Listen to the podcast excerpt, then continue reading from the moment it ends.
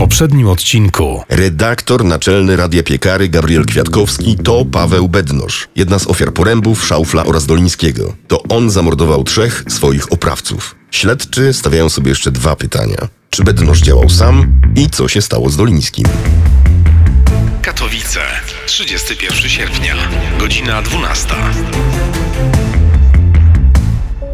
To miał być przełomowy moment w historii miasta. Według planów inwestorów północna dzielnica, w znacznej części pokryta toksycznymi hałdami, za kilka lat zmieni się w zielony raj dla całych rodzin. Specjaliści od PR-u dwoili się i troili, by na bieżąco gasić zarzewia sceptycyzmu. Dzisiejsza data staje w jednym szeregu z innymi, które wyznaczają główne momenty rozwoju nie tylko naszego miasta, całego regionu.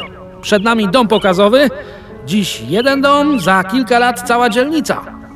Zapraszam do środka na zwiedzanie i skromny poczęstunek. Gospodarz miasta wykonał ręką gest zachęcający do wejścia.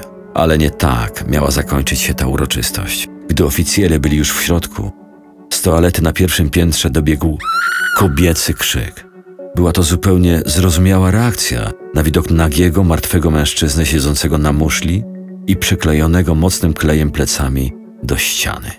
Nie trzeba chyba wyjaśniać, jaki napis był widoczny na piersi Piotra Dolińskiego.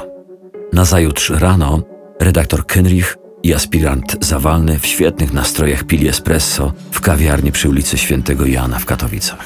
Znaleźliśmy zwłoki Gabriela Kwiatkowskiego, czyli Pawła Bednoża. Jak się domyślasz, przyczyną śmierci było zatrucie akonityną. Nie zostawił żadnego listu, ale dla nas, Marcinku, sprawa się nie kończy. Kwiatkowski był mózgiem, ale według śledczych miał wspólnika. Jedna osoba nie byłaby w stanie zorganizować tak widowiskowych finałów czterech zbrodni. Chodzi głównie o siłę fizyczną, której Kwiatkowskiemu brakowało, by wnosić, wciągać i przesuwać 100-kilogramowe ciężary. Świadkowie zeznali w Chorzowie i w Piekarach, że na klatkach schodowych kilkukrotnie widziano silnie zbudowanego mężczyznę. Raz nawet wychodził z wynajmowanego mieszkania. Policja dysponowała zbyt małą liczbą danych, by sporządzić portret pamięciowy. Wszyscy świadkowie zwrócili jednak uwagę na dwa szczegóły. Bliznę na skroni oraz jakiś defekt małżowiny usznej. Jaki? Tego świadkowie nie potrafili doprecyzować. Na 13 zaplanowano spotkanie pracowników radia z prezydentem miasta. Wszystkie miejsca w małej sali Domu Kultury były zajęte. Słuchajcie, powiem krótko, bo sam nie potrafię w to uwierzyć. Znałem Kwiatkowskiego od lat, ale nigdy bym się tego nie spodziewał. Dlatego po prostu chciałbym, żebyśmy się od tego wszystkiego odcięli i ruszyli naprzód. Przedstawiam Wam nowego redaktora naczelnego. Świetnie go znacie, bo to doświadczony dziennikarz Ryszard Hajnowski. Panie redaktorze, zapraszam.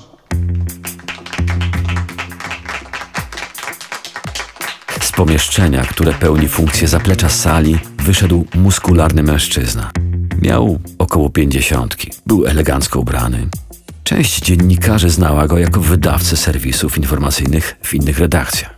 Kenrich natychmiast zauważył, że mimo świeżej opalenizny na prawej skronie Hajnowskiego widoczna jest niewielka blizna. Gdyby ktoś z zebranych uważnie przyjrzał się ukrytemu pod długimi włosami prawemu uchu, zauważyłby, że ma ono nietypowy kontur. Jakby brakowało mu niewielkiego fragmentu.